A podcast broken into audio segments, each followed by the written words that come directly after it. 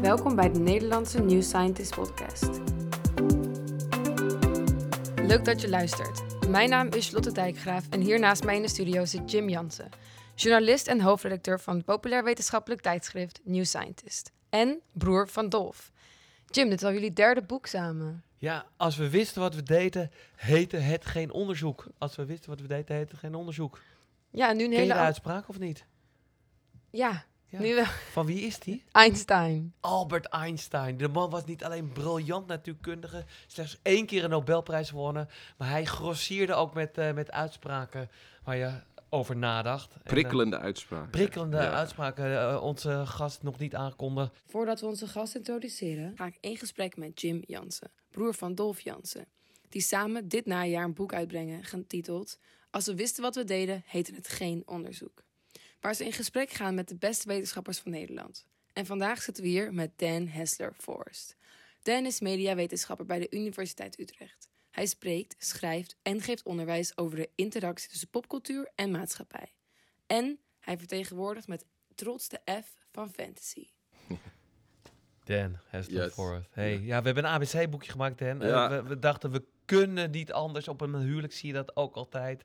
En de F van... fan- Jij doet daar onderzoek naar, hè? Ja, ik vond het echt zo leuk en zo grappig dat jullie dan zo'n de, fantasy als soort van onderzoeksobject. Want Ja. het heel veel onderzoek denken mensen gewoon, ja, maar dat is alleen maar een soort van meten is weten, weet je. En fantasy kun je niet meten. Je kan wel zeggen hoeveel fantasyboeken worden er gemaakt, hoeveel films worden er bekeken, maar uiteindelijk is het een soort vakgebied waarbij je niet meet, maar goed, eh, nou ja, leest, nadenkt en dingen naast elkaar legt. En dat is in wezen wat ik doe. Ja, ja.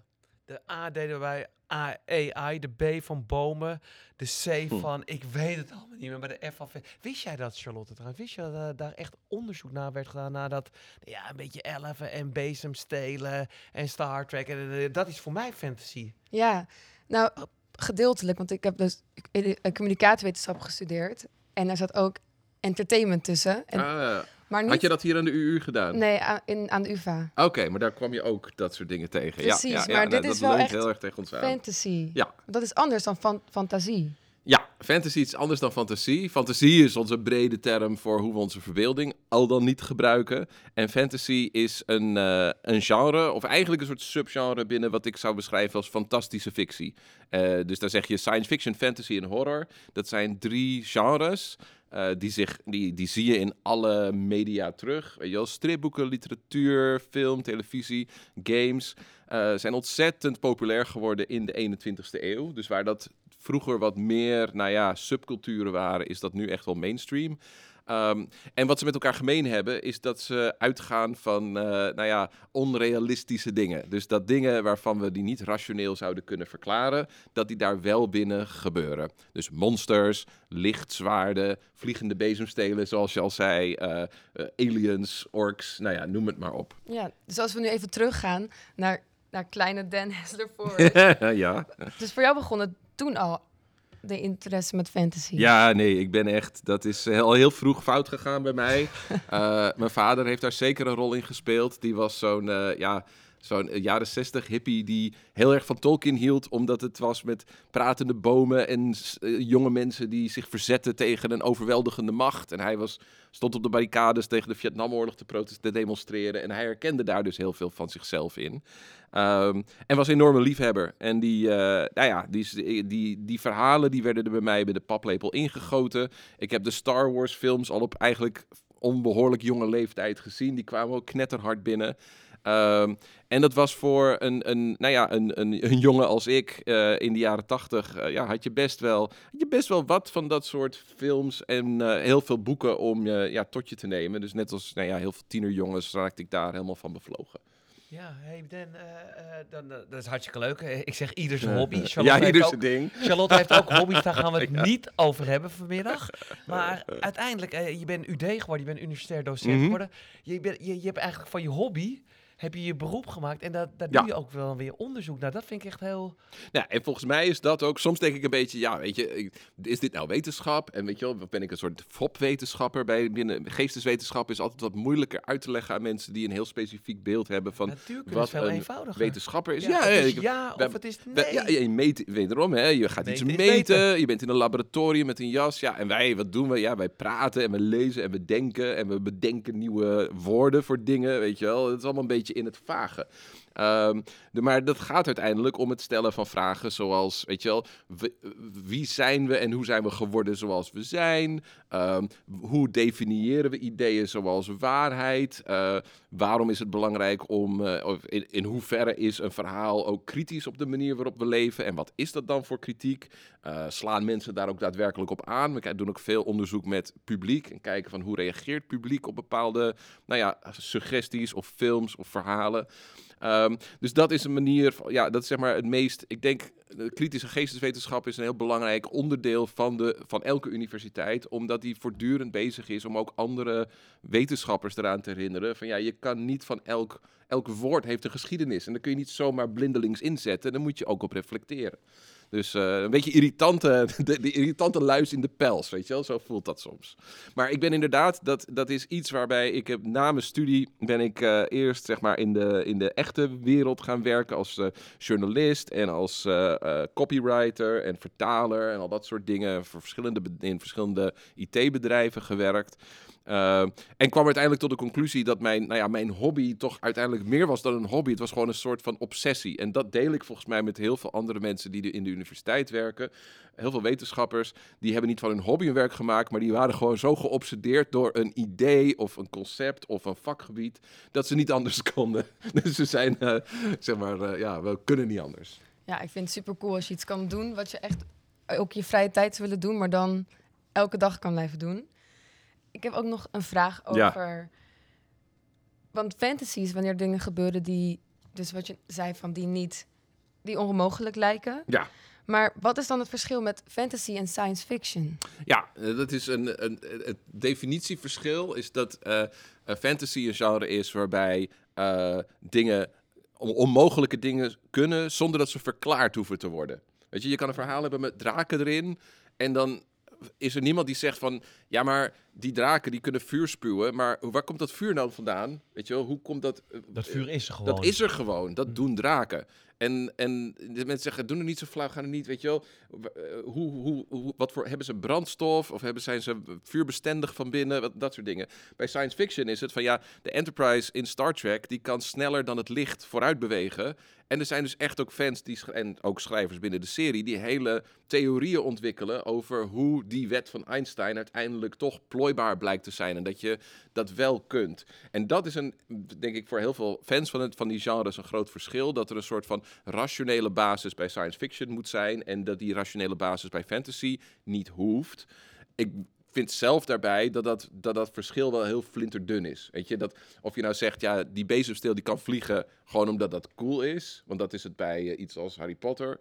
Eh, of dat je zegt, de Enterprise die kan gewoon... Ja, we, waarom kan hij zo hard vliegen? Niet omdat er een soort van theorie is over hoe we die wet kunnen doorbreken... maar gewoon omdat je voor die serie wil je naar alien planeten kunnen gaan. Dus ja, dan bedenken we gewoon een technologie die dat ineens mogelijk maakt. En een magische brandstof waar je dat dan eindeloos op kan doen.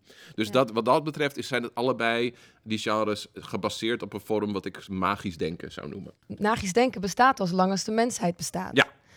Kan je misschien een leuke maal, maal, maal, Mijlpaal. mijlpaal dat is ook wel mooi aan jou, Charlotte. Je Ja. spreekt, je spreekt Engels en gewoon Nederlands door Engels. elkaar. Nee, hoe noemden jullie dat net? Want jij hebt dat Dunglish. Dunk, Ja, Dunglish. dat zijn. Charlotte, maar ja, Dat soort is, van... ik, ik zit hier gewoon met twee mensen die gewoon allebei groot zijn geworden in Amerika en nu gewoon fantastisch Nederlands. Maar in Dunglish, eh, zo'n milestone, zo'n mijlpaal. Een mijlpaal. Nou ja, kijk, eh, je hoeft helemaal niet ver te zoeken om te zien van waar de fantastische verhalen in de menselijke cultuur en geschiedenis opkomen duiken. Weet je wel, elke grote eh, religieuze tekst is in wezen een fantasyverhaal die kaders schept waarbinnen je jezelf aan de ene kant kunt herkennen. Wie ben ik en ja, hoe moet ik me dan gedragen? Wat zijn de normen en waarden die, die, dat uitdragen? Ehm, en hoe wordt tegelijkertijd onze verbeelding ver- geprikkeld om daar betekenis uit te ontlenen? Weet je, of je als het hebt over het verhaal van de Ark van Noach, dat is iets wat bij kinderen heel geliefd is, dat verhaal, omdat het heel erg de verbeelding stimuleert. Van wat nou het idee van op een schip zijn en alles staat onder water en je hebt alle dieren bij je en die moeten zich allemaal kunnen voortplanten en zo. En het is tegelijkertijd een soort straf voor de mensheid die slecht is geweest. Dus een god die heeft bepaald van iedereen moet dood en alleen dit kleine clubje mag overleven. Nou, dat, daar, daar spreken heel veel ideeën uit waarvan je op verschillende momenten in de geschiedenis zegt van nou ja, dat lijkt heel erg op hoe het nu is. Weet je wel, is de klimaatramp, is dat net zoiets als de zondvloed van Noach? En wat doen we dan met al die dieren? En is er een extinction noodzakelijk? Of is die bezig? En is daar, moeten we ons daarbij rebelleren of moeten we ons daarbij neerleggen? Nou, zo zie je dat door de hele, onze hele cultuurgeschiedenis staat bol van eigenlijk fa- fantasyverhalen die wel een hele belangrijke rol spelen in hoe we omgaan met hoe we met elkaar omgaan en ook hoe we onszelf zien in onze grotere geschiedenis. Zou je misschien daar een voorbeeld van kunnen geven? Ja, volgens mij eh, zijn er echt best wel veel voorbeelden van aan te wijzen. En een hele mooie is eh, ehm, de manier waarop een, eh, een heel beroemd boek, zoals In de Band van de Ring, Lord of the Rings van Tolkien. Ja. Het is een boek uit eh, jaren 50, dus midden 20e eeuw. Ehm, en het speelt zich af in een soort denkbeeldig, middeleeuwsachtige eh, geschiedenis. Maar het, het is een heel. eh, als, je, als je kijkt naar hoe die wereld in elkaar zit, de wereld van Middle-earth in The Lord of the Rings, dan zie je dat het een hele directe reflectie is van een idee van denken over hoe Europa werkt en hoe, hoe zeg maar. Ehm, landen vooral naar binnen gekeerd zijn. Dus als je van het ene land naar het andere gaat, dan kom je in een heel andere cultuur, een hele andere omgeving terecht. En die wordt heel erg bepaald door de grenzen van dat land. Dus als je naar de, de paardenmensen gaat, nou, die hebben één cultuur en één soort van liederen zingen. En die blijven daar ook. En dan gaan ze door naar het volgende. En dan heb je weer een heel ander soort. Dan heb je dan weer elfen die wonen in een bos. Het is heel erg afgeschermd en afgeperkt. Ehm, en het is uit een wereld waarin het idee van het opbouwen van stabiliteit heel erg centraal stond. Dus het beschermen van eigen landsgrenzen en het, en het opnieuw in stand houden van stabiliteit na de crisis van de Tweede Wereldoorlog. Als je dan kijkt naar een meer moderne fantasy-epos, en ik denk dat de meest geliefde is eh, eh, of Song of? Game of Thrones, precies. De ik Song heb me of... voorbereid. Ja, hebt je Hey. huiswerk gedaan. Heb je al Ja. die boeken ook gelezen? Wat denk je? Natuurlijk. ik heb de flipkast gespeeld van Game of Thrones. Is ook leuk. Maar Game of Thrones is ook in een Tolkien-achtige wereld. Dus ook een soort van pseudo-middeleeuwse fantasy-omgeving met draken en zo. Maar daar zie je dat het neoliberale idee dat er eigenlijk helemaal geen vangnet is. En dat je helemaal niet ergens van uit kunt gaan. Dat als je geboren bent om koning te worden, Aragorn is dat in The Lord of the Rings. En ja, die wordt gerust koning aan het eind. En iemand offert zich misschien wel op onderweg, maar in wezen blijft die groep intact. En redden ze ook tot het eind. Dus een, een hele duidelijke morele structuur die de wereld van Tolkien onderlegt. En als je kijkt naar moderne fantasy, dan is de wereld is veel minder voorspelbaar geworden, is veel meer individualistisch en is veel minder. ehm, we laten ons veel minder leiden door een heel duidelijk moreel ideaal. In plaats daarvan zijn er heel veel verschillende personages die ook heel erg kunnen veranderen. Dus ze kunnen, een goed mens kan ineens heel slechte dingen doen of andersom. En dan zie je daarin een reflectie van een cultuurverandering die voortkomt uit een grotere economische verandering. Namelijk de verzorgingsstaat, waar Tolkien echt mee opgroeide en vanuit ging, die bestaat niet meer. En die grens- bestaat nu ook niet meer, toch? die bestaat nu ook niet meer. En daarom zijn die boeken van Game of Thrones voor een modern publiek ook veel relateerbaarder in wezen dan de wat ouderwetse wereld van Tolkien. Want ja, voor iedereen is het nu zo van ja, het is ieder voor zich. En eh, ja, een huis kopen, een vaste baan, wat, wat bedoel je nou, weet je wel? Het zijn alleen maar een paar mensen die er tussenuit kunnen komen. Voor de rest is het hard knokken. En dat is een wereldbeeld wat diep verankerd zit in die verhalen. Ehm, wat minder te maken heeft met de oppervlakkige elementen van het plot. Maar als je gaat kijken naar hoe dat verhaal zich ontwikkelt in de loop van die eindeloze series, dan zie je daar dus een heel groot verschil. En dat verschil kun je, dit zijn twee hele specifieke teksten die ook heel bekend zijn. Maar als je breder gaat kijken naar hoe die genres zich hebben ontwikkeld, dan zie je dat dus ook heel direct terug in die, eh, in die verandering. Ja, want bijvoorbeeld Game of Thrones is best wel... Ik ken best wel veel mensen die dat allemaal kijken. Kijken meer dan lezen. Ja. En, maar fantasy was eigenlijk vroeger meer underground. Maar nu is het... Ja, ik ken... En iedereen heeft al Game of Thrones gezien. Ja, ja. Denk- en ja, wat vind je daarvan? Ja, is, is het, eh, wat Charlotte zegt, is het echt big business? Wa- Was je vroeger, stond je een beetje in de hoek van het schoolplein en nu eh, eh, loop je op eh 5th, 6th, 7th Avenue en dan zie je toch? Ja. Nou, is, Jullie zijn allebei eh, eh, eh, groot geworden in New York. Dus, maar dat klopt toch wel? Het is heel groot geworden. Het is heel, ja, het is wat iets was voor een, wat, wat in wezen een subcultuur was. Voor een kleine groep en het, stereotype nerds, zeg maar. Weet je wel, eh, die, eh, dat is nu iets geworden wat voor iedereen in, in ieder geval toegankelijk is. Waar het heel normaal. Dat is ook een cultuurverandering. Weet je wel, de opkomst van social media heeft ervoor gezorgd dat we eh, veel minder vanuit soort een eenduidige mainstream cultuur denken. En allemaal naar dezelfde popmuziek luisteren op de radio en dezelfde films in de bioscoop zien. Maar veel meer worden versnipperd. En daarom dus ook juist worden aangemoedigd om gekke dingen, aparte dingen, weet je wel, Ja. om individuele dingen, ja, geeky dingen, om die juist te omarmen. Uh, dus het is niet zozeer. En sommige dingen die springen er echt wel tussenuit. En Game of Thrones werd, werd op een gegeven moment na het vijfde seizoen werd steeds meer een soort massa-fenomeen. Al is dat in vergelijking met de massa-dingen van jaren 70 of Ja. 80 is het nog steeds heel klein maar hoor. zo'n Harry Potter, die mevrouw, die is toch ook stinkend rijk Ja, die is geworden? miljardair geworden. van die Miljardair. Ja, ja, ja, Heb jij het zeker. Harry Potter, ja. Harry Potter Vond je het boeken. Ja. Ja, ja. Maar dat, dat is dus echt raar eigenlijk, hè? Dus eigenlijk een soort paradigma-switch of zo. Ja. Van jongens, wij, wij zijn een heel klein clubje bij elkaar en we dragen Ja. rare hoeden. En iets met een eh, bezemsteel die dan eh, zich voortbeweegt Ja. dan het licht. Ja, Ik vat even jouw onderzoek ja, ja, ja, ja, ja. En dus nu de Warner Bros-achtige bandieten, die, eh, Ja. die nemen de wereld over. Nee, het is, het is echt gemeengoed geworden. En dat heeft, dat heeft voor- en nadelen, zeg maar, voor liefhebbers van het genre. Aan de ene kant betekent het dat het inderdaad, ja, je bent niet meer zo bijzonder als je van die dingen houdt. Want het is iedereen die kent het en iedereen doet mee.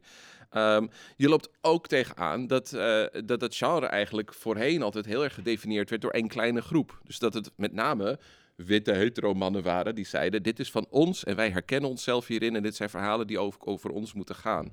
En een positieve verandering die we nu dus zien, is dat we merken, de producenten die hebben dus ook echt geleerd van nee, maar deze soort verhalen, fantastische fictie, wordt echt door iedereen gelezen. En betekent ook dat andere groepen zichzelf graag erin terug willen zien. Dus de nieuwe tv-serie van die, die soort prequel is op The Lord of the Rings, dus een nieuwe Tolkien Amazon-serie. Daarin zie je dus niet alleen maar witte hobbits, maar bruine hobbits en zwarte hobbits en Aziaten. Het is een veel meer diverse cast. En dan merk je ook van, hé, hey, maar wacht. Eigenlijk is die geschiedenis van die genres is ook heel erg geënt op één hele specifieke vorm van witte Europese cultuur.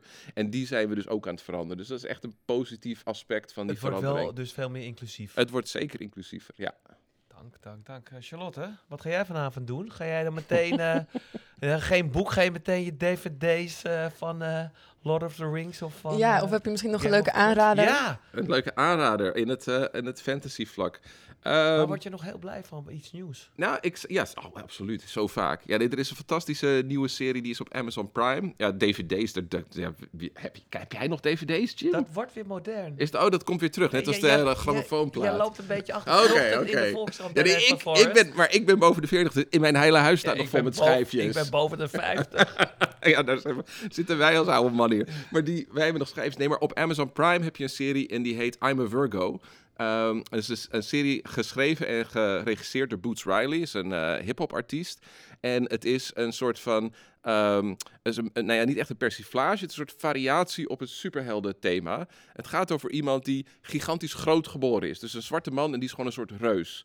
En hij, blij, hij, heeft dus, hij is enorm sterk, maar hij weet niet wat, voor, wat hij met zijn krachten aan moet.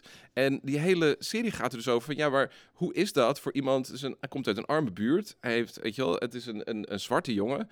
En iedereen is bang voor hem, omdat hij zo groot is. Hij is heel onschuldig en heel lief, want hij is totaal, hij moest altijd binnenblijven van zijn ouders. En nu gaat hij voor het eerst de wereld in. Ja, is hij een monster? Wordt hij een superheld? Nou, om zoiets te hebben binnen, zeg maar, die, nou ja, die eindeloze superhelden verhalen die we overal zien, die juist die inslag kiest, vond ik echt super leuk om te zien. Ook omdat het heel veel van de clichés van het genre ineens toch op een andere manier benadert.